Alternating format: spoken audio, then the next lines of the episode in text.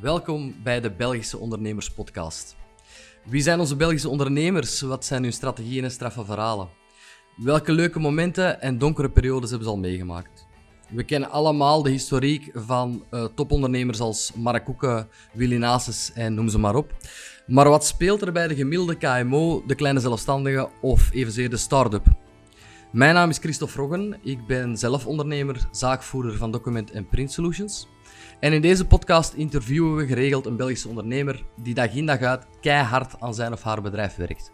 Of niet en dat uitbesteedt aan anderen. Wees klaar voor een hele race tips, nieuwe inzichten en een kijk op de realiteit in onze Belgische ondernemingen. Enjoy! Hallo allemaal, welkom bij aflevering 51 van de Belgische Ondernemers Podcast.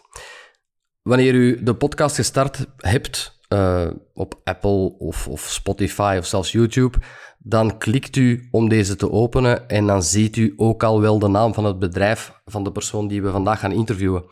U zal dan misschien denken, vandaag zal het een beetje op zijn zondags zijn en wat minder zijn, maar het tegendeel is waar. Het tegendeel is waar, want de CEO van het bedrijf Sunday, die heeft er op een aantal jaar werkelijk iets van gemaakt. En die CEO is Niels van de Kastelen en we gaan hem ook vragen hoe het komt dat dat zo'n succes geworden is. Dus bij deze, welkom Niels van de Kastelen in onze podcast. Dank u wel, Christophe, om mij te ontvangen. Ik ben met heel veel plezier uh, aanwezig vandaag. Wel, en ook met alle plezier uh, u hier te ontvangen. Hoe gaat het met u? Het gaat goed met mij. Het is uh, uh, goede tijden voor ons. Het zijn uh, positieve tijden voor ons. we hebben de indruk dat alles, of dat iedereen en alles een beetje aan het settelen is. En dat de bedrijven terug een stukje vooruit durven kijken, wat dat wel vrij belangrijk is voor ons. Dus we staan hier met een positieve attitude vandaag. Oh, fantastisch om te zien. Hè? Ja, ja, je straalt het uit ook. Dus dat, dat wordt een plezante aflevering, voelt al. zeg, um, ja, CEO van het bedrijf Sunday als ik me niet vergis, gestart uh, in oktober 2015 ergens. Dus we zijn een kleine zeven jaar verder. Vanuit de living, gelijk als we zeggen, vanuit de woonkamer. Wat een opmerkelijk verhaal altijd. Jij, Bill Gates, jij. Uh, of, of Steven Jobs. Maar uh, allee, je zit nu wel in vijf landen. Je hebt in 45 landen uh, klanten. Je hebt 55 werknemers. Iedereen wil weten, hoe doe je dat? Laten we eens bij het begin beginnen. Sunday, van waar de naam? Sunday staat eigenlijk voor uh, de why, waarom dat we precies doen wat we doen. Dus uh, misschien moet ik even uh, kaderen wat dat wij precies doen. En dat is wij ontwerpen eigenlijk kledinglijnen rond bedrijven. Dus wij ontwerpen met de huisstijl van een bedrijf een kledinglijn dat hun medewerkers, hun klanten, hun, hun partners met plezier zullen dragen. Dus dat is eigenlijk de filosofie van het bedrijf. En de naam Sunday slaat eigenlijk op. De zondag zijn we wie dat we zijn. Doe wat dat we doen. Als je graag sport, ga je misschien gaan rijden met de fiets. Ben je familiemens, blijf je thuis. Um, ga je graag uit, ga je misschien naar een festival de zondag. En um, wij geloven dat de zondag, uh, je doet wat dat je doet en je draagt ook wat dat je wil dragen. En onze filosofie is dat wij eigen kleding willen maken voor bedrijven die mensen ook met trots de zondag zullen dragen. en niet enkel in de week, wanneer dat misschien een beetje verplicht kan zijn. Een cool merk eigenlijk dan. Ja, inderdaad. Je wilt van het, van het bedrijf een merk maken, of het bedrijf, uw klant, een merk maken dat coolness uitstraalt. Dat ze met heel veel trots dragen. Ja, helemaal correct. Helemaal um, Want dat is eigenlijk de, de, een van de ja, clichés dat een beetje heerst in onze, in onze industrie is.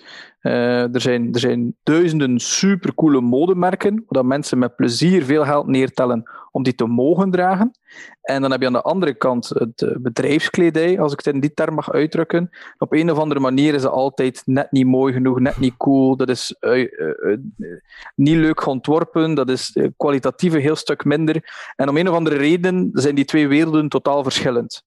Um, Terwijl dat eigenlijk niet logisch is. En dan hebben wij eigenlijk beslist van oké, wij willen eigenlijk alles wat dat die modewereld te bieden heeft, dus mooie designs, sustainability, uh, toffe fittings, dingen waar mensen zich goed in voelen, algemene coolness, uh, en dat willen we eigenlijk brengen naar bedrijfskledij. Dus waar dat je ook werkt, als het nu een hippe duvel is of een hippe techspeler, of misschien een, een deurwaarderskantoor of misschien een boekhoudkantoor, dan nog is het onze filosofie om eigenlijk kleding te maken rond die bedrijven, en dat de mensen die eigenlijk geaffilieerd zijn of zich identificeren met die bedrijven trots zullen dragen. Fantastisch. Hoe kom je op dat, op dat idee? Wij komen eigenlijk vanuit de artiesten merchandise. Dus we zijn gestart uh, met, uh, met patches en t-shirts maken voor DJ's. En toen in 2015, dus uh, Steven Collins, dat is mijn vernoot. We zijn met twee samen gestart in de, in de living. daarmee gestart, omdat we zagen van goed, iedere metalband, iedere rockband had wel iets van t-shirts. Uh, als ze drie fans hadden, stond er daar een kraampje met t-shirts. Maar in de DJ-scene, terwijl hij toch in is aan het opkomen was, bestond dat niet echt. Um, dus op Tomorrowland stonden al die wereld-DJ's, maar merchandise was eigenlijk echt wel onder uh, vertegenwoordigd in die wereld. En wij zagen een gat in de markt daar, en zijn daar ingedoken en hebben zo eigenlijk onze eerste ervaring opgedaan in coolere kleding maken uh, voor die hippe DJ's, voor die hippe festivals. Oh, maar we spreken 2015, dat is nog niet zo heel lang geleden. Nee, dat, was er gewoon dat niet. vrij kort geleden. Nee, dat was er niet. Uh, nu is het al een stukje beter, uh, maar het heeft natuurlijk ook zijn uitdagingen in die sector. Wat hebben we gezien, is dat het, het fan zijn uh, van een metalband of een rockband nog iets intenser is dan van een DJ. waardoor dat de verkoopcijfers van die metal- en die rockbands ietsje hoger lagen, omdat het businessmodel wat anders in elkaar zit. Um, dus op dit moment doen we nog een beetje in nightlife, maar dat is eigenlijk volledig geshift naar B2B naar de KMO's en, uh, en enterprises. Oké. Ik noteer al bij uh, uw pluspunten opmerkzaam. Hè? Want je moet het maar spotten, hè? Zo, zo gaat het in de markt. Ja, oké, dat is goed. Maar hoe begin je daaraan? Je moet al kunnen ontwerpen. Of besteed je dat uit? Je, je moet de juiste kledij vinden. Ik bedoel dan van kwaliteit. Eh, dat moet geproduceerd worden. Klinkt heel veel om uit te zoeken. Hoe ben je eraan gestart? Ja, eh, we zijn er eigenlijk heel uh, positief naïef aan gestart. dus uh, wat was onze ervaring? Ja, mijn achtergrond is grafisch ontwerper, marketeer, uh, audio, video, websites bouwen. Dus alles wat je eigenlijk met een computer kan, was mijn opleiding in school. Um, dus daar konden we eigenlijk alles praktisch al maken. Steven, mijn vernoot, is DJ, of was DJ toen. Dus had het netwerk, had de nightlife scene en was community manager bij een voetbalclub, waardoor dat ze hele ervaring rond community bouwen, wat nu een van onze eh, sterkste pijlers is, um, ook van pas kwam. Dus het was eigenlijk onze twee achtergronden die ervoor zorgden dat we samen zo'n sterk duo uh, gevormd hebben, waardoor we eigenlijk met twee alles konden doen in de beginfase. Ja. Um, en dan inderdaad die producenten, omdat we, ja, we kennen er niets van. Hè. Dus we zijn begonnen bij een producent die uh, parttime kapper was, parttime drukker. Uh, dus dat was onze Maar als je zichzelf vergist, dan kom je niet goed buiten. Hè? ja, oké. dat bestaat nog, uh, dat kleine winkeltje. Ik denk niet dat hij nog weet wie dat wij zijn. Maar, um, dus daar zijn we gestart. En ik denk dat we in totaal vijf, zes suppliers hebben moeten doorlopen uh, om toch ja, te zien van hoe ver kunnen we die kwaliteit hier stretchen. Okay. Dat was nog in die fase werkten wij nog zoals een, een traditionele zeefdrukker. Dus we kochten uh, gemaakte t-shirts in en decoreerden die, dus bedrukken of borduurden die en verkochten die door. Dat was het model toen. En nu zitten wij echt in het model waar wij van de rauwe materialen starten. Dus we starten van de stoffen, van het katoen. We hebben patroonmakers in dienst, we hebben modeontwerpers in dienst. Je kan dat meer vergelijken met een back-office van een H&M of een Zara, waar we eigenlijk echt couture gaan, gaan ontwikkelen uh, voor onze klanten. En... Dus dat is een hele leercurve geweest op zeven jaar tijd om de ins en outs van de uh, textielindustrie te leren kennen. Het is te zeggen. Maar uh, ik weet niet of je mag vragen of dat je dat wil zeggen, maar is dat dan nog altijd in België of is dat internationaal ook uh, uitbesteed? Het... Dat is allemaal uitbesteed, maar dat is ja. vooral in Polen bij ons. Okay, ja. Dus we zijn eigenlijk vrij snel, ik denk dat we in 2016 al moeten verleggen hebben naar Polen voor onze productie, omdat de complexiteit die wij zochten, ja, niet meer zo goed beschikbaar was in België. wacht, we hebben hier nog wacht, wat wacht, wacht, wacht, wacht, wacht, dat is mooi. Hè? Hoe kom je in Polen terecht? Dat, dat vragen heel veel mensen zich af, denk ik. Van hoe zoek je dan naar de juiste oplossing en hoe kom je in Polen terecht? Tenzij dat je heel graag vodka drinkt, is dat niet iets waar je heel snel terecht komt? Um, wel, uh, we hebben eerst gezocht. Dus we, wisten dat er één supplier zat in Polen die we gehoord hadden, waar dat een paar, paar, bedrijven mee werkten. En dan zijn we eigenlijk gewoon naar daar gereden uh, in januari 2016. Dus Steven en ik, Steven had net een nieuwe wagen gekocht. dus was een beetje bang wat dat er met die auto ging gebeuren. dus we hebben dat beslist en dat was denk ik tweede week van januari, net na de feestdagen. Zijn we in de auto, auto gesprongen. 13 uur naar Polen gereden, naar Łódź de textielhoofdstad van Polen, om die ene supplier te gaan bezoeken. Maar moet je inbeelden, ja, uh, veel mensen hebben een beeld van Polen dat dat heel traditioneel is, heel oud, een beetje Sovjet-stijl. Dat wij hadden dat toen ook. Um, dus wij dachten constant, ja, we zullen hier beroofd worden of ze gaan hier onze nieren stelen of zo. Um, dus wij reden naar daar. Het was min 15 graden, dus de auto was aan het bevriezen. Uh, het moment dat je Duitsland de grens oversteekt, zit je bijna in een drie uur lange dode zone. Wat je gewoon door de bossen rijdt. Dus een autosnelweg door de bossen. En er is daar echt niets. Dan komen we in die banlieues, dus in die randsteden van Łódź, wat je echt ja, het, het Sovjet-vibe hebt. Dus de, de, de blokken en, en een beetje verloederd. Dus wij van, oh nee, waar zijn we hier nu beland? Wat hebben we nu toch gedaan? Om dan eigenlijk uiteindelijk aan het hotel, en dat was een Hilton, de Doubletree van Hilton, toe te komen. Wat dat dan echt een, een luxueus hotel was. En dat was eigenlijk de ban een beetje gebroken voor ons. Dus wij hadden echt zoiets van, ja, welk, welk avontuur zijn we hier nu gestart? Ja. Uh, maar uiteindelijk is alles goed gekomen. En een keer dat we dan daar waren, konden we via aanbevelingen heel veel uh, andere suppliers leren kennen. Uh, gewoon daar rondrijden ook. Ja, binnenwandelen. Uh, hopen dat iemand Engels spreekt. Dus het was een beetje ja, het Wilde Westen. Ja. Ah, fantastisch verhaal wel. Oké, jullie zijn daar dan gepasseerd, hebben dat ook overleefd.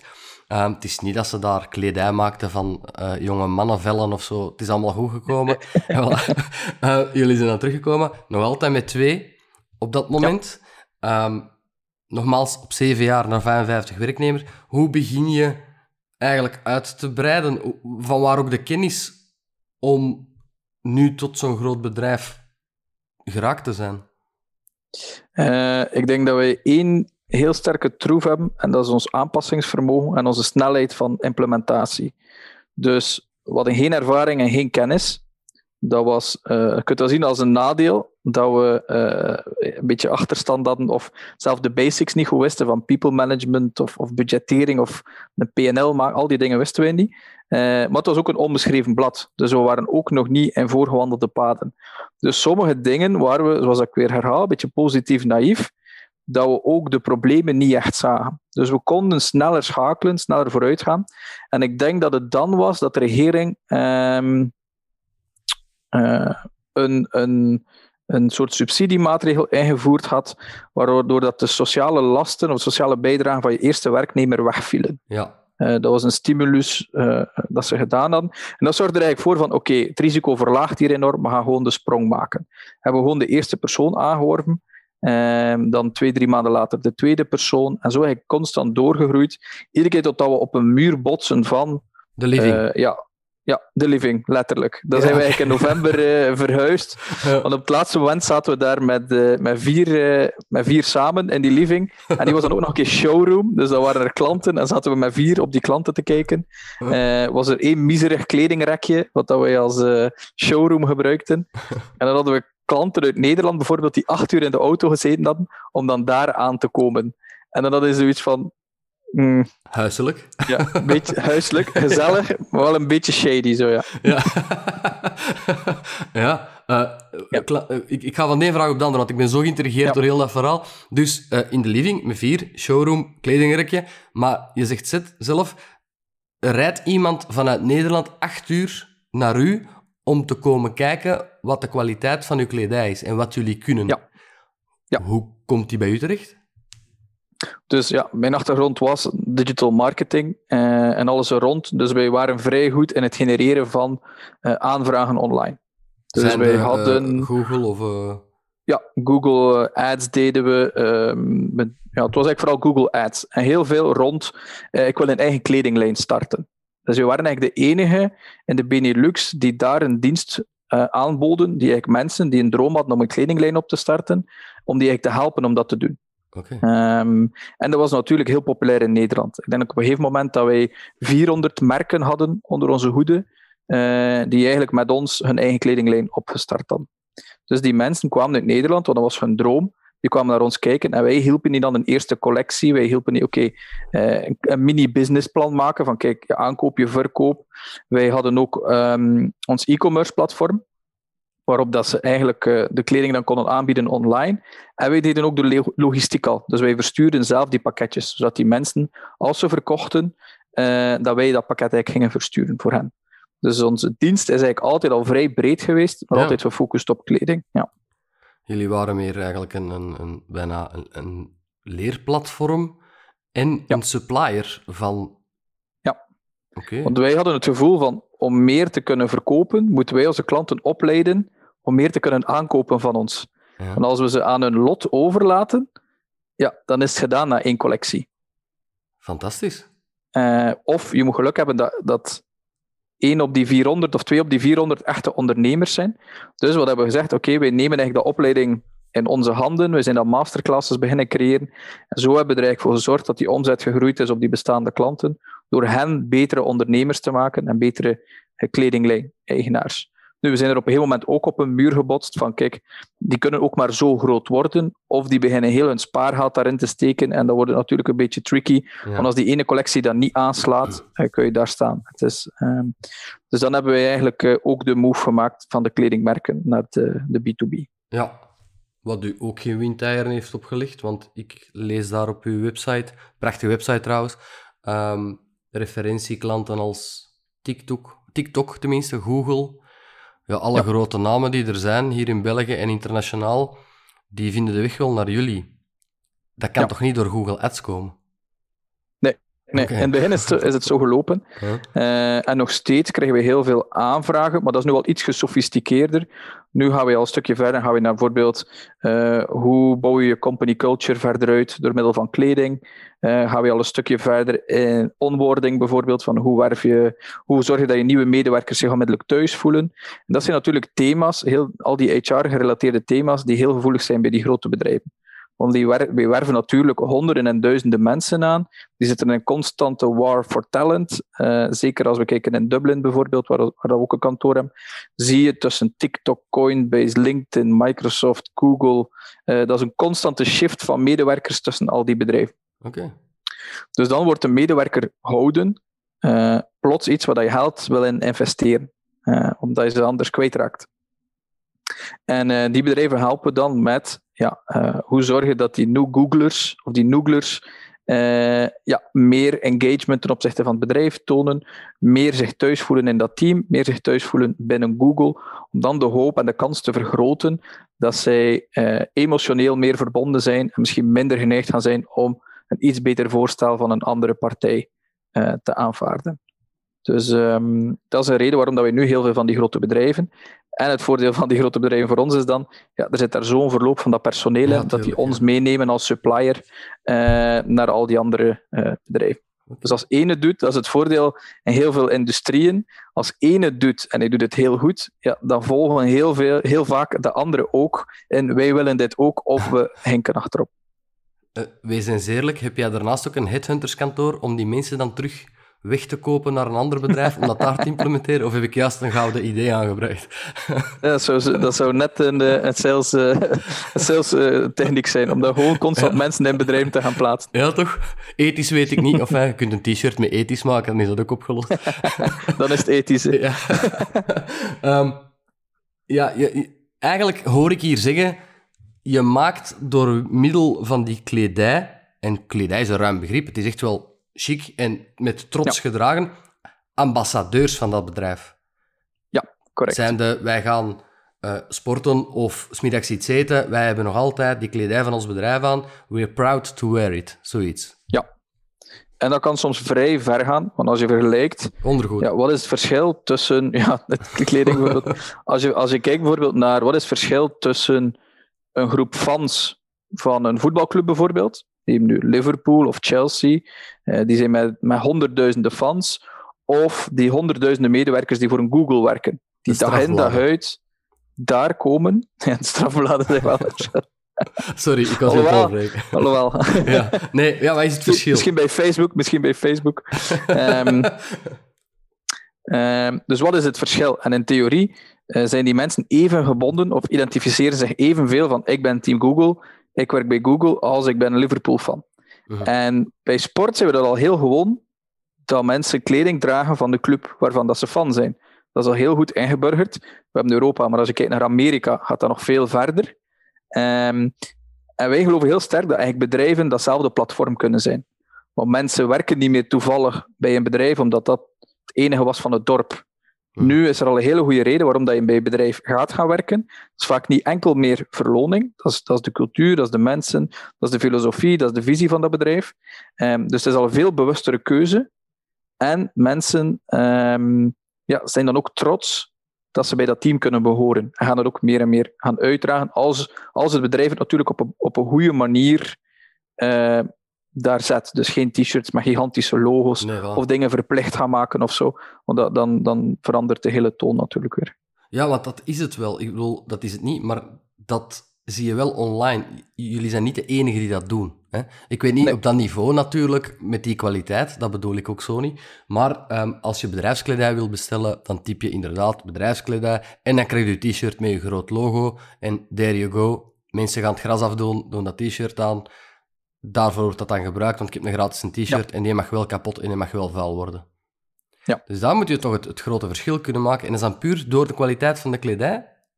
Nee, dat is één factor. Dat is een basisfactor. Dat- Ehm, ontwerp is een hele grote. eh, kwaliteit is een hele grote. Uiteraard verpakking en aanpak. Want wij zijn geen zuivere productleverancier. Wij komen heel vaak eh, bij een bedrijf binnen, eh, bij HR, die zegt: Kijk, we hebben hier een bepaald budget. We zitten met, we willen de cultuur gaan versterken. Hoe kunnen we dit aan de hand van kleding gaan doen? En dan gaat het niet om, neem dit model van t-shirt versus dit model. Maar het gaat om, oké, wat zijn de waarden van jullie bedrijf? Ehm, hoe kunnen we dit gaan presenteren aan de medewerkers? Zijn er teams die ermee gaan designen? We proberen er eigenlijk een hele ervaring van te maken, zodat als het ware, vroeger had je punkers, en dan was het heel duidelijk wie dan een punker was, omdat ze die kleding droegen. Mhm. Wij willen hetzelfde doen met de kleding van een bedrijf. Van kijk, ah, als iemand daarin loopt, dat is duidelijk iemand van Showpad bijvoorbeeld. Of dat is duidelijk iemand van Deliveract of van Jan de Nul. Eh, en dat ze ook elkaar gaan herkennen en dat heel trots gaan doen. En dat is meer dan gewoon een product of een betere kwaliteit. Of, eh, want niet per se dat de andere slechtere kwaliteit hebben. Ze geven misschien een bredere range van kwaliteit. Maar eh, ik ga ervan uit dat iedere supplier op een, op een degelijk niveau wel iets van kwaliteit kan bieden. Dus het is veel meer de, de aanpak en de begeleiding dat wij bieden en de filosofie dat wij hanteren, dan enkel het product. Oké. Ik hoor u dan wel zeggen dat er wel altijd in samenspraak gehandeld wordt met de cliënt. Eh, zij bepalen mee de, de stijl, de, de visie. Is dat Ja. ook zo met de... Worden de medewerkers daar ook bij betrokken? Of is het puur HR die, die daar eh, gaat beslissen van op die manier gaan we dat uitwerken? Eh, sommige, ieder bedrijf is anders. Ja. Ehm, nu zijn we met een hele grote case bezig waar dat iedere afdeling in betrokken geweest is. Waar dat ze ook hun eigen eh micro-capsule-collectie krijgen binnen de grotere collectie van het bedrijf. Als het ware dat de marketingafdeling een kleine, licht andere collectie heeft dan de rest van het bedrijf en de HR-afdeling, maar toch over het geheel. Alsof dat je ja, eh, een Tommy Hilfiger, maar toch micro-collecties daaronder heeft. Dus het gaat al vrij ver. Eh, spring, summer en fall, winter. Dus twee keer per jaar een nieuwe collectie. Allee, ja. Ehm, plus, en dat is dan ook iets wat dat we nog steeds doen, is de wereldwijde logistiek. Dus dat is een bedrijf die in, denk 17 landen mensen heeft. Eh, en die wil natuurlijk dat voor iedereen die ervaring hetzelfde is. Ja. Dus dat niet is, ja, in, in Europa krijgen ze mooie dingen, maar in Azië krijgen ze brol en in Amerika krijgen ze niets bijvoorbeeld. Dus dan voorzien wij ook dat, want ja, HR-dingen zijn meestal heel gevoelig, ook in die grote bedrijven, ook in die, die bedrijven waar mensen misschien heel veel geld verdienen, dan nog willen ze allemaal diezelfde t-shirt of diezelfde hoodie ontvangen. En wij zorgen er ook voor dat dat eigenlijk effortless van hun kant eh, helemaal eh, opgelost is. Nice. Die filialen in, ja, uiteraard België, hoofdkantoor, maar Nederland, eh, Denemarken, Ierland en Polen, zijn dat verkoopsfilialen? Of ja, Polen is ook productie. Eh, zijn Ja, de Polen is ons operationeel, ja. Oké. En zijn dat andere verkoopskanalen? Of... Ja. Ja, dus eh, Amsterdam, Dublin en Berlijn, dat zijn eigenlijk de verkoopskantoren met lokale teams. ehm, die, ja, omdat wij zoveel service bieden, heel dicht bij de klant moeten staan. Je kan wel een beetje remote doen, maar dat is natuurlijk een hele collectie moet uitwerken, dat je moet toch tot op de stofjes gaan kiezen. Eh, dan is het wel beter dat je lokaal aanwezig zit. Eh, en dat je de couleur lokaal, want bijvoorbeeld het, ehm, laten we zeggen, het ontwerpen eh, voor een Duitse of een Berlijnse klant is helemaal anders dan ontwerpen voor een West-Vlaamse klant bijvoorbeeld. Dat is mijlenver uit elkaar in stijl. En dat is toch iets wat de klant, ja. Dat is dan het modeluik in onze business. ehm, dat ieder land toch andere stijlen heeft, dat ieder type bedrijf andere stijlen heeft. Ehm, en dat maakt het wel uitdagend natuurlijk. Straf. En je stuurt die allemaal aan als CEO? Ja, maar mijn vernoot is ook nog altijd de co-CEO, dus we zijn eigenlijk met twee. En wij sturen dat hele team aan. We hebben dan een, een, eh, een team van drie directors onder ons, die eigenlijk de commerciële leuk, het eh, operationele leuk, oh, dus productie en R&D, en eh, alles van finance en legal gaan aansturen. En via hen gaat het dan verder in de organisatie. Ja. Ja, zeg Niels, en wat hebben jullie... Ik begin er liever niet meer over, maar corona heeft nu gewoon een heel groot aandeel gespeeld in bedrijven die hun werknemers moesten thuislaten, waar ze zich, laat ons eerlijk zijn, niet kleden. De meesten zitten daar in hun pyjama-broek een koffie te drinken. Eh, heeft dat voor jullie een impact gehad? Ja, eh, zeker in het begin. Want eh, ja, zoals dat je zegt, op dat moment draaiden wij voornamelijk op teambuildings, op beurzen, op alle events waar dat mensen samenkomen en het nodig vinden om een soort van samenhorigheid te gaan creëren. Dus dat was eigenlijk onze business. Ja. Dus eh, het moment dat corona hit, ehm, ik vergelijk het best als een bad dat gevuld is. Iemand trekt de stop uit en heel onze pipeline stroomt weg. Alles is weg. Eh, omdat ieder bedrijf zegt, ja, eh, de teambuilding gaat niet door, het event gaat niet door. Eh, ja, er is gewoon niks, dus we hebben geen kleding nodig. En dat was wel een wake-up call voor ons, want dat was, oké, dus op dit moment is kleding een nice to have voor veel bedrijven.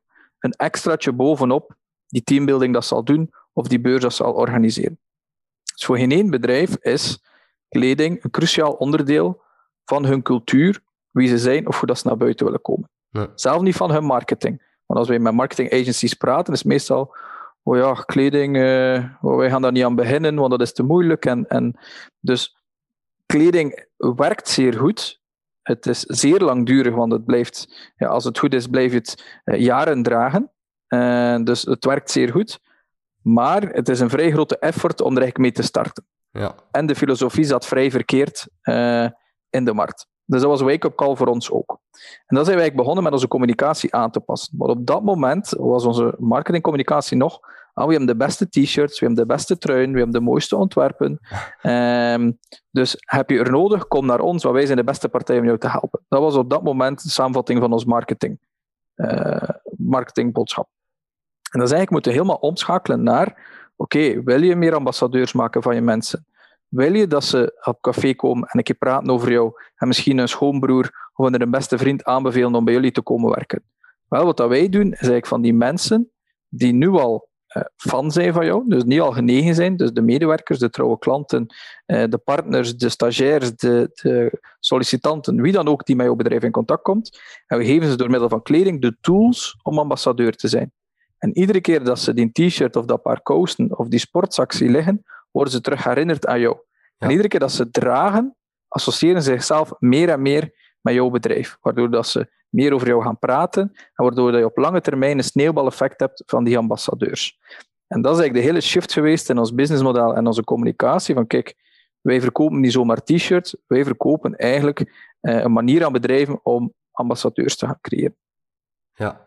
Doordat het meer core business wordt. Ja, oké. Eh, snap ik. Maar een ander onderdeel van corona, merken veel sectoren, is dat de budgetten heel vaak sterk worden teruggeschroefd. Zijnde op reclame en, en andere zaken. Ik neem aan dat de budgetten voor zo'n kledij, dat daar ook wel wat moet voor uitgetrokken worden, zonder te zeggen dat het heel duur is. Maar ik bedoel, dat heeft gewoon zijn prijs. Heb je daar iets van ondervonden? Of zijn ze daar toch in meegegaan? Net omwille van het verhaal dat je net vertelt. Op dit moment valt het nog vrij goed mee. Ehm, want wij hebben ook een, een KPI, we noemen die eigenlijk een cost per wear. En het idee is van, oké, je kunt de kostprijs van een t-shirt gaan vergelijken. T-shirt A kost 8 euro, t-shirt B kost 10 euro. En dan kun je zeggen, oké, we moeten besparen, we moeten t-shirt A gaan kopen. Hey, we besparen 20%. Mhm.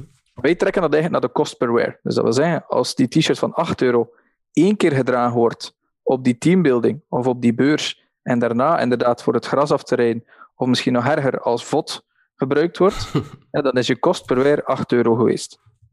Wat onze filosofie is van investeer dan 10 euro in die t-shirt, dat die persoon misschien 10 of 20 of 30 keer zal dragen, en dan is je kost per wear 1 euro, een halve euro of 30 cent. En als je die twee naast elkaar zet, ja, als je iets langere termijn dan één dag kan kijken, dan weet je dat, dat ehm, iets meer investeren in dat product en in onze diensten veel efficiënter is, kostenefficiënter. Plus, uiteraard, wij zijn van dag één ook al sustainable en duurzaam geweest. Bedrijven zijn wel bereid ondertussen om meer te betalen daarvoor. Ja. En dat wordt ook meer geassocieerd met kwaliteit.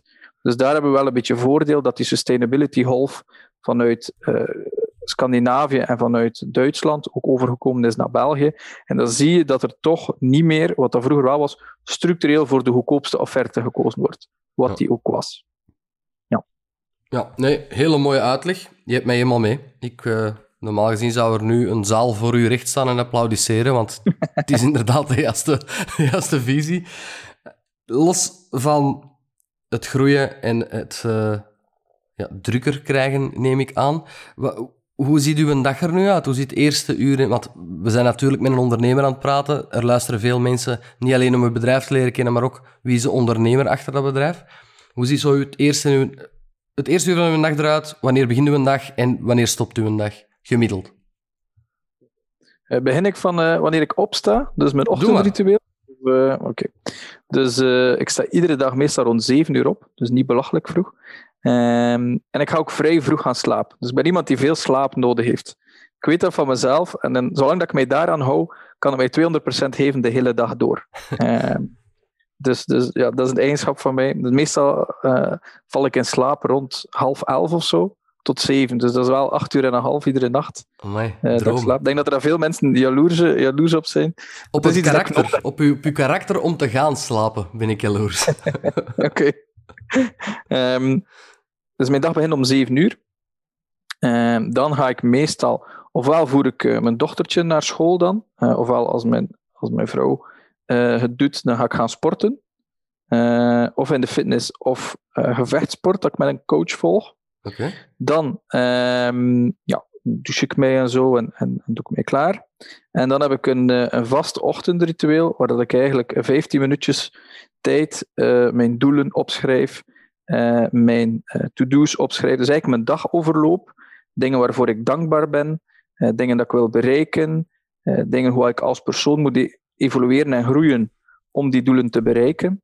Ehm, dat is een heel vaste structuur en ik doe dat iedere dag. Elke dag.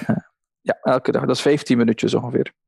Maar dat zorgt ervoor dat van het eerste moment van de dag een kompas juist staat en ik niet verval in de dagelijkse stress of sleur of korte termijn paniek, problem solving. Maar dat ik iedere ochtend als het ware reset en zeg: Oké, daarmee zijn we bezig. Maar dat komt uit een opleiding, hè? Dat komt eh, van eh, een personal coach dat ik heb, eh, Mario Hanneka. Ik volg bij hem al twee jaar nu. En dat is iets wat ik in een van de eerste lessen opgepikt heb. En echt ben blijven volhouden eigenlijk. Chapeau. En het Best- werkt voor mij. Ja. Oké. Ik heb het al een paar keer gehoord en ik, ik weet van mezelf dat ik mij daar geen week aan zou zitten, wegens... Ja, geen karakter opnieuw, ja, kom, laten we zeggen zoals het is. maar, maar het is knap dat je dat elke keer doet. Oké, je hebt dat dan gedaan en dan vertrek je naar je werk. Eh, ja, of ik doe dat op mijn werk. Op dat moment ben ik soms al op mijn werk. Ehm, en dan begint eigenlijk de dag. En voor mij bestaat mijn dag heel grotendeels uit meetings doen. Ehm, zowel eh, met het Belgische team, internationale team. eh, de maandag is dat zeer gestructureerd. We hebben alle managers die 's komen. Eh, de rest van de week is dat meer à la carte. Ehm, ja, intern, extern. En dan in de namiddag is dat vaak ofwel weer meetings, ehm, ofwel is dat dan meer dieper werk en effectief projecten gaan afwerken.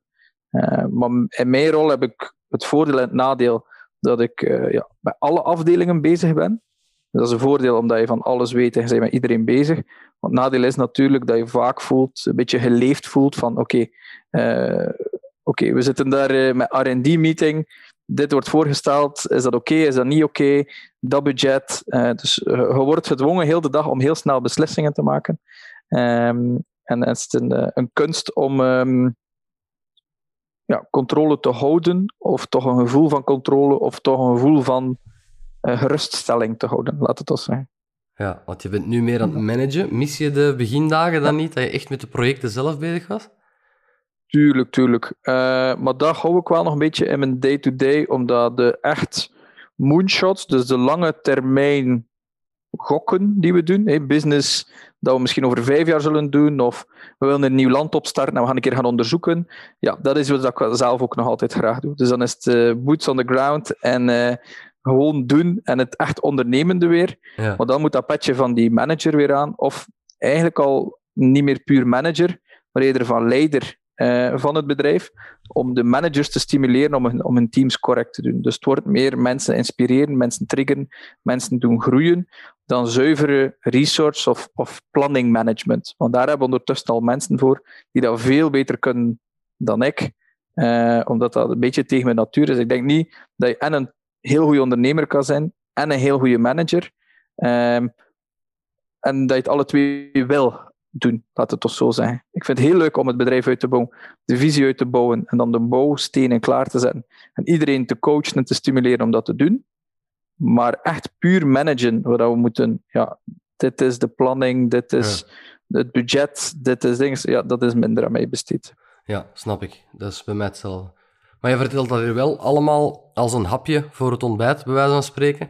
Maar we mogen niet vergeten, je bent nog altijd maar 31 jaar, hè? Ik vind dat je al heel veel op je... Uh, ja, oké. Hopelijk vordert het dan nog. Maar ik, ja. ik vind dat je al heel veel uh, op je bord hebt voor die leeftijd. Je zit, je zit toch uh, in een positie waar de meeste pas tussen hun 40 en hun 50, denk ik, verschijnen. Dus dat is, dat is best wel stevig.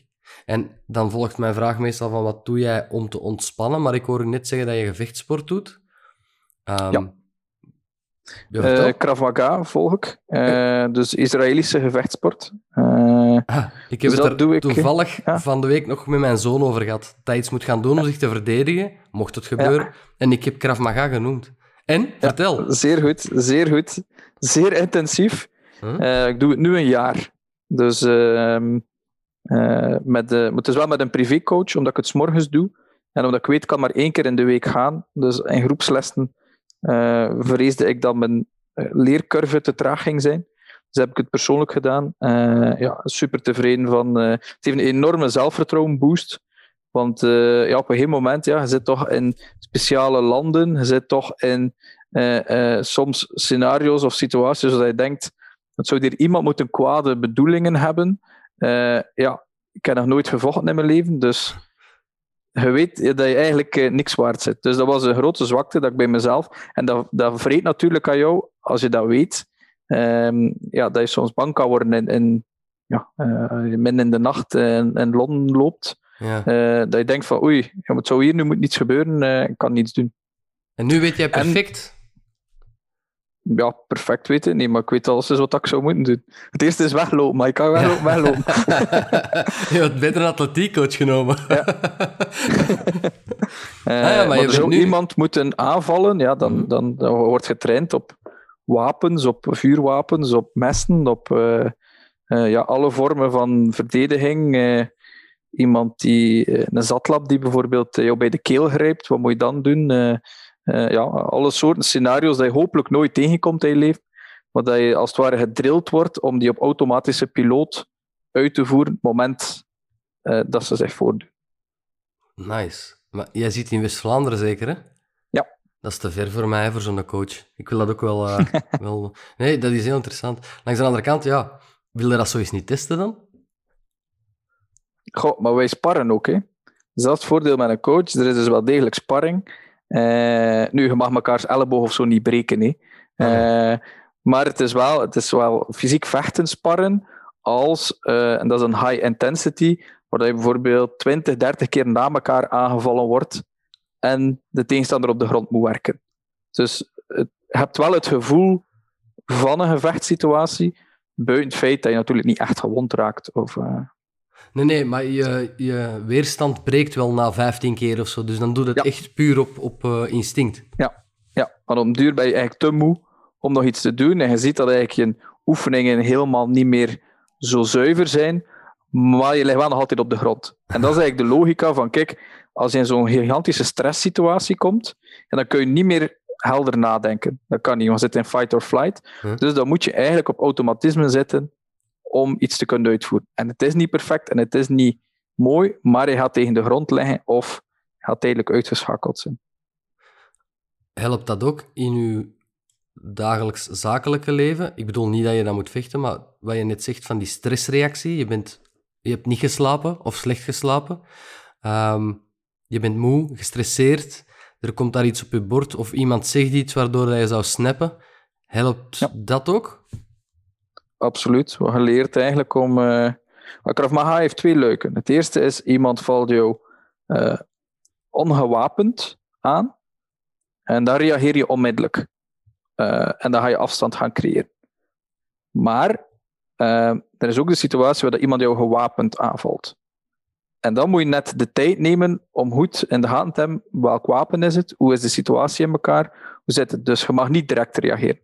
Dus het helpt jou eigenlijk om, als je plots een bedreiging, en dat hoeft niet altijd een fysieke bedreiging te zijn, dat kan uh, op bedrijfsvlak uh, een klant die, die, die uitschiet, of een medewerker die een bom laat droppen, om eigenlijk de situatie met een veel koeler hoofd te gaan analyseren en bekijken. En misschien in die twee, drie seconden jezelf terug samen te rapen en veel beter te reageren dan dat je zuivel uit, uit reflex ongetraind zou gereageerd hebben. Dus het helpt enorm ook om ja, dat te doen. En twee, natuurlijk in uh, situaties met spanning, wat dat je misschien in onderhandelingen en zo kan hebben, is het op een of andere manier geruststellend dat je weet, het zou moeten ooit ontaarden in een fysiek gevecht. Dit kan ik winnen. ah ja, oké. Okay. Dat is een heel vreemde logica, ja. en je straalt dat ook uit. Jij zit er al met een wapen. maar je lijkt mij niet iemand, ik kan mij vergissen hoor, maar nu dat we aan het spreken zijn, is ook de eerste maal dat we elkaar spreken en elkaar zien, je lijkt mij niet iemand met een kort lontje, of, of zie ik dat verkeerd, van nature dan? Mm, nee, nee ik, heb, ik heb geen kort lontje van nature. Ja. Uh, maar natuurlijk, ja, als ondernemer word je constant met hoge emotionele omstandigheden geconfronteerd. Ja. Dus je moet wel in staat zijn om jezelf te beheersen bij reacties. En natuurlijk, hoe meer dat je dat doet, hoe beter dat je dat kan. En hoe groter dat bedrijf wordt, hoe minder impactvol dat die kleine dingen kunnen zijn. Maar dagelijks, ja, als, als iemand van je team uh, plots zegt, ja, ik, ik geef een ontslag bijvoorbeeld, ja, dat, is een, dat is een emotionele opdoffer. Uh, dan kun je reageren van, ah, ik wou niet eens dat je hier beelden blijven en ben blij dat je weggaat. Je kunt, kunt uit frustratie reageren, maar dan doe je, op, doe je heel veel schade.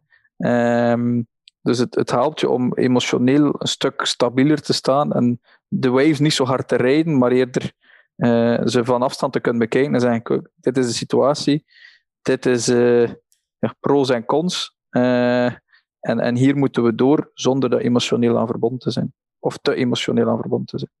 Supergoeie tip, hè? Mocht er iemand in de buurt van Antwerpen Krav Maga kunnen, ik zoek ook een privéleraar. Dat is iets...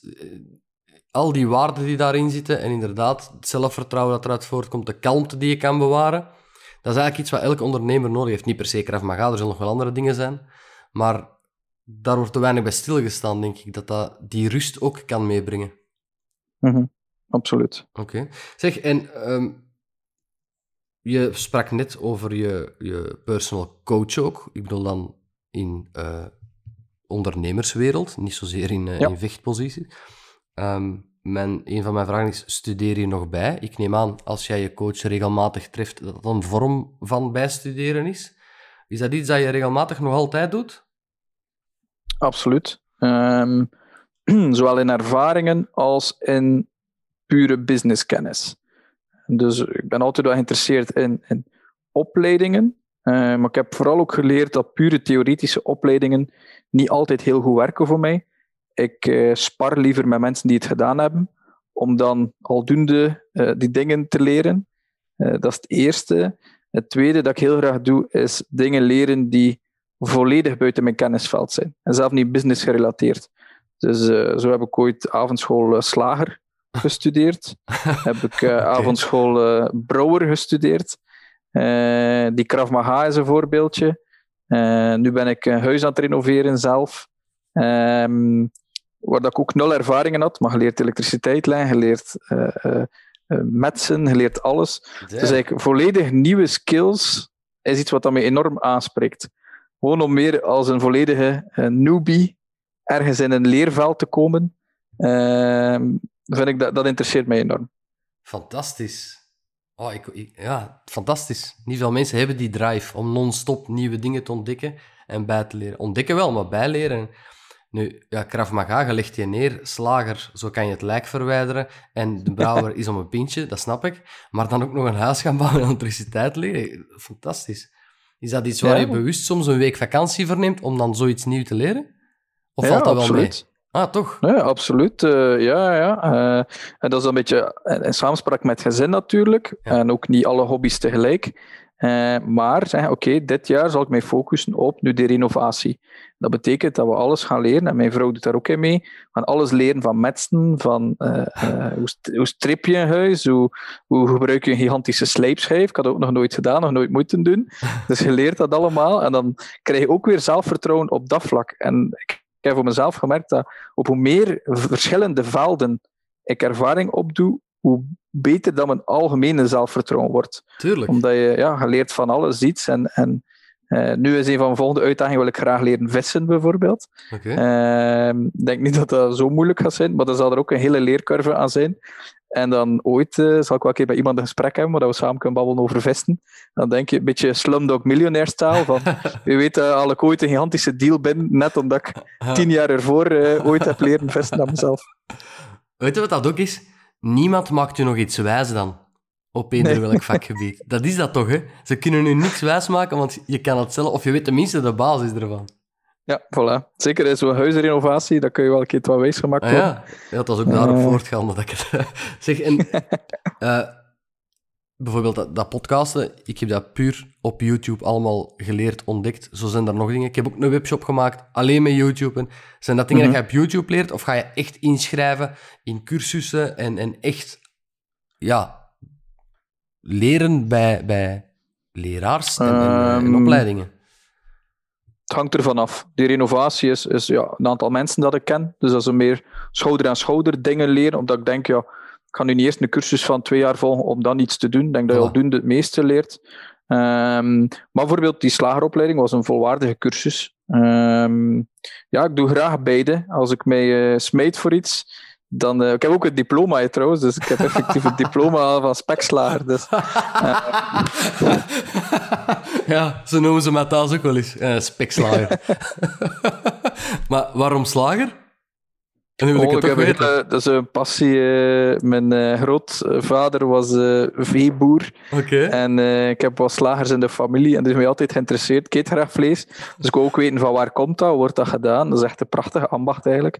Alleen de mensen die nu die, die slager zijn, dat zijn echt... eh, dat zijn niet degene dat je ziet met Haya en zo, waar dat er heel die, heel die miserie rond zijn. Dat zijn mensen met liefde voor het vak, die, die half rund met de keer komen, die zorgen dat, dat alles perfect gemaakt wordt, dat 100% gebruikt wordt.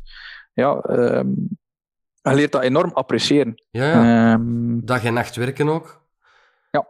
Ja. Nee, Allee, dat, is een, stil, eh, dat is een lastige stil. Ik zou het niet kunnen. Ik, zou het, niet kunnen. Ik, heb, ik heb het geleerd, vond het leuk om te doen, maar ik zou het niet kunnen, slager zijn.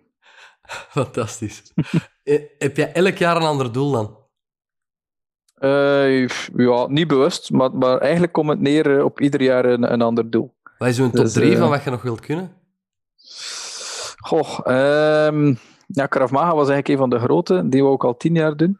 Ehm, een boek schrijven heb ik bijvoorbeeld ook gedaan. Dus ik heb leren een, eh, een boek schrijven. In Oké. corona, dat was een van mijn grote doelen, om ooit eh, een boek gepubliceerd door een uitgeverij te hebben. Ehm, dus ja, ik kon niet, niet, geen boek schrijven. Ik, kon, ik wist niet hoe dat, dat werkte. Ik wist niet hoe die wereld werkte. Ik wist niet hoe die contracten werkten. En dat is iets wat ik ook op een jaar tijd geleerd heb. Hoe dat heel die wereld in elkaar zit. Eh, en effectief is het gepubliceerd. En, eh, en beschikbaar eh, nu in het Nederlands en in het Engels ondertussen. Damn. Vertel, wat heb je geschreven? Het boek heet Iedereen Superfan. En het gaat eigenlijk rond community building. Hoe maak je van mensen ambassadeurs? Dus een heel stuk van eigenlijk wat we als Sunday in de praktijk uitvoeren. Is dat eigenlijk de theorie met case studies. Dan gaat het erom om hoe krijg ik mensen zover.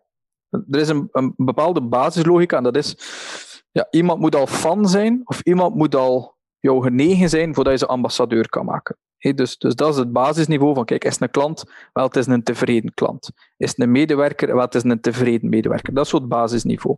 Dan is er nog een grote gap tussen die persoon is in stilte tevreden Of die gaat tegen iedereen gaan vertellen hoe tevreden dat hij is en gaat jou gaan aanbevelen.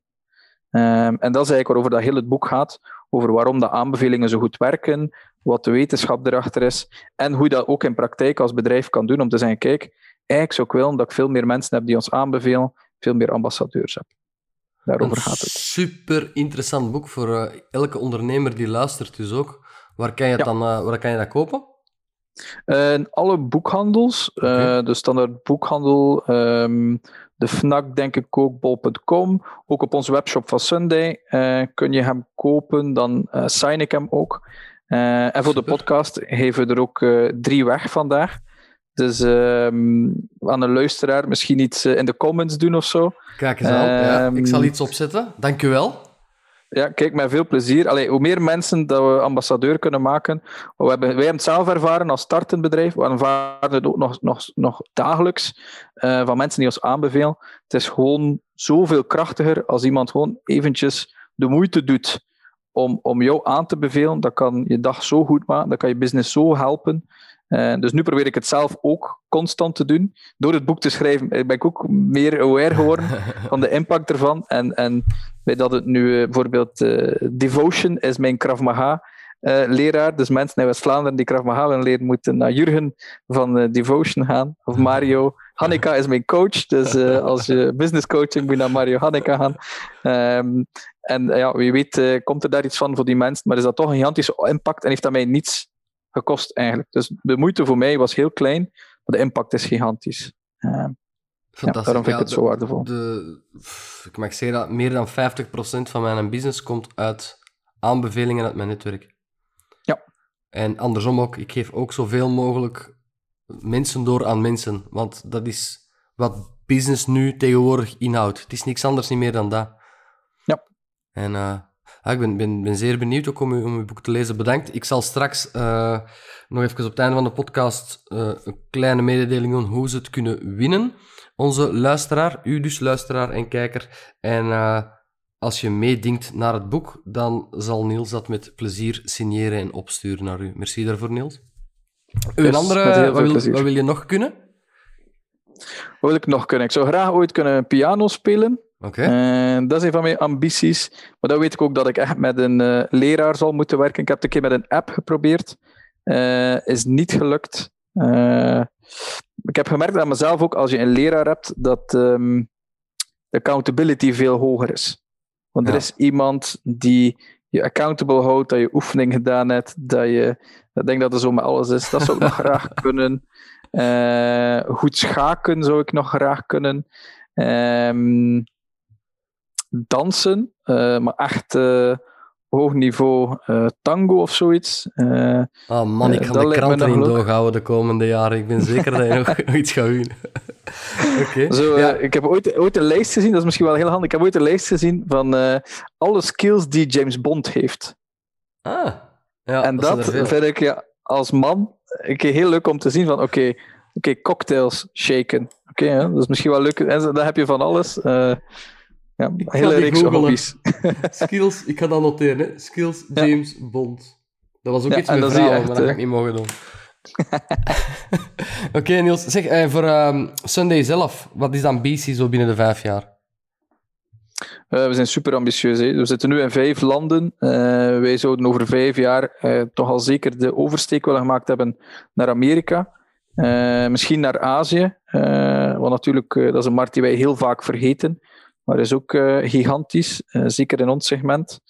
Ehm, en ja, groter en groter. We zijn nu met 55. Ik hoop over vijf jaar dat we, dat met een 250 of een 300 mensen kunnen zijn. Ehm, en vooral, ja, een van onze hoofdambities als bedrijf, eerder in de filosofie, is dat we echt ja, eh, bedrijfskledij of company fashion, zoals dat wij het noemen, een waardig alternatief kunnen gemaakt hebben voor de klassieke modemerken. Zoals dat je, als je s'morgens voor je kast staat ehm, en zegt, oké, neem ik nu die een Ralph Lauren of die een Tommy Hilfiger of, eh, of die een Jack and Jones, wel dat daarnaast eh, misschien je trui is van je eerste werkgever en misschien een t-shirt van de stad waarin dat je woont. Ja. En, en dat die allemaal op gelijke hoogte hangen voor jou. En niet onderaan in je kast, zo dat klein schapje om, om het gras mee af te rijden of je huis mee te schilderen. Maar dat je het gevoel hebt van, oké, het is zondag vandaag. Ehm, ik heb super graag bij, eh, wherever gewerkt. Uh, ik ga die een cool t-shirt weer aandoen uh, van dat moment. Dat is, dat is eigenlijk wat dat wij willen bereiken. Super mooie ambitie. De laatste vraag, Niels, want ik ga een beetje moeten afronden hier, zie ik. welke tip zou je aan jezelf geven als je vandaag pas mocht starten? Dat is een goede vraag. Um, welke tip zou ik geven? Is uh, zorg voor een grondige of een goede basiskennis financieel. dat is misschien een heel atypische tip. Nee, nee, uh, een, een basiscursus uh, finan financiële management of whatever. Dat kan misschien een eendagsopleiding zijn, maar gewoon dat je heel basic bedrijfsvoering begrijpt, want zal jullie je veel kopzorgen op termijn besparen. Um, een andere tip is Um, en dat is een syndroom dat ik heel hard had in het begin. Uh, wat dat jonge mensen heel vaak hebben, is oei, ik ben te jong, je krijgt feedback, je bent zo jong. Um, dat je minder durft outreach doen of minder uh, andere ondernemers advies durft vragen, ja. omdat je misschien nog maar net begonnen bent. Omdat je het gevoel hebt van, ah ja, oei, met, ze gaan hun tijd niet willen verspillen naar mij, of ze gaan niet... Uh, maar ik heb eigenlijk altijd omgekeerde ervaring. Dus een tip van, van mij naar mijn jongeren zelf zou ook zijn, maar kijk, uh, benader al die ondernemers. Uh, probeer ze natuurlijk ook waarde te geven. En niet, kan ik je twee uur samen zitten om te brainstormen over mijn bedrijf. Dat is niet echt waardevol. Nee. Maar als je, als je ze heel specifieke vraag kan stellen van kijk, ik struggle met uh, hoe schrijf ik een vacature voor mijn eerste werknemer? We zijn dat en dat en dat gedaan. Uh, kan je me daarmee helpen? Het is nu heel praktisch. Mhm. Dan ga je heel veel antwoord krijgen. Ja. Um, dus, dus bouw dat netwerk, ga die mensen om advies gaan vragen. Uh, je moet niet bang zijn om ja, imposter syndroom of, of wat dat je ook allemaal kan hebben. Um, ja, ga er gewoon voor en verdedig of, of verover je plekje in de, de ondernemerswereld. Um, dat, dat zou zeker een advies zijn. Super waardevol, dankjewel. Niels, ik ga even uh, afscheid nemen van uh, de luisteraar en de kijker. Ik kom direct bij u terug. Voilà, iedereen een ja, weer opnieuw, ik zeg het elke keer, een waardevolle bijdrage, super interessante dingen geleerd van Niels, waarvoor dank Niels. Um, je kan Niels zijn boek winnen. Er zijn een aantal exemplaren die hij weggeeft, gesigneerd zelfs. En daarvoor zullen wij op uh, Instagram onder Belgische Ondernemers een uh, kleine wedstrijd posten. Het is eigenlijk uh, de foto van Niels en mij zal erop komen en daaronder zal je een woord moeten noteren en daar worden dan de winnaars uit gekozen. Dus kan je ons volgen op LinkedIn, Instagram, Facebook. Um, bemerkingen, vragen op info.belgischekoppeltekenondernemers.be. En dank u wel om opnieuw te luisteren en of kijken. En uh, graag ook tot een volgende keer. Niels, ik wil jou uh, heel hartelijk danken dat je erbij was. Het was effectief weer nieuwe tips die ik uh, nog niet had gehoord. Dus ik vind het heel tof. Ik hoop dat je een beetje je verhaal hebt kunnen doen um, over Sunday in jezelf. En dat je het een beetje tof vond. Zeker, ik vond het een heel leuk gesprek, hele leuke vragen. Uh, we hebben een beetje uitgeweid over uh, Krav Maga. Goed, hè? Want dat, uh, ja, zeker. Ik denk dat er... ik was er heel geïnteresseerd in. Ik ook. ben het nog steeds. Dus ik denk dat er misschien veel ondernemers zijn, of ook andere luisteraars, die zoiets hebben van, ja, misschien moet ik dat een keer proberen. Ik kan het enkel maar aanraden. Um, ja, ik vond het een superleuk gesprek. Ik ga er werk van maken, dank je wel daarvoor. ik ga er werk van maken. En uh, ja, het is een beetje een atypische podcast altijd, maar ik ben blij dat we erover uitgeweid hebben. Want ik denk dat dat heel veel mensen zal interesseren om die rust te vinden in hun uh, ondernemerschap. Zo, iedereen, dankjewel en graag tot een volgende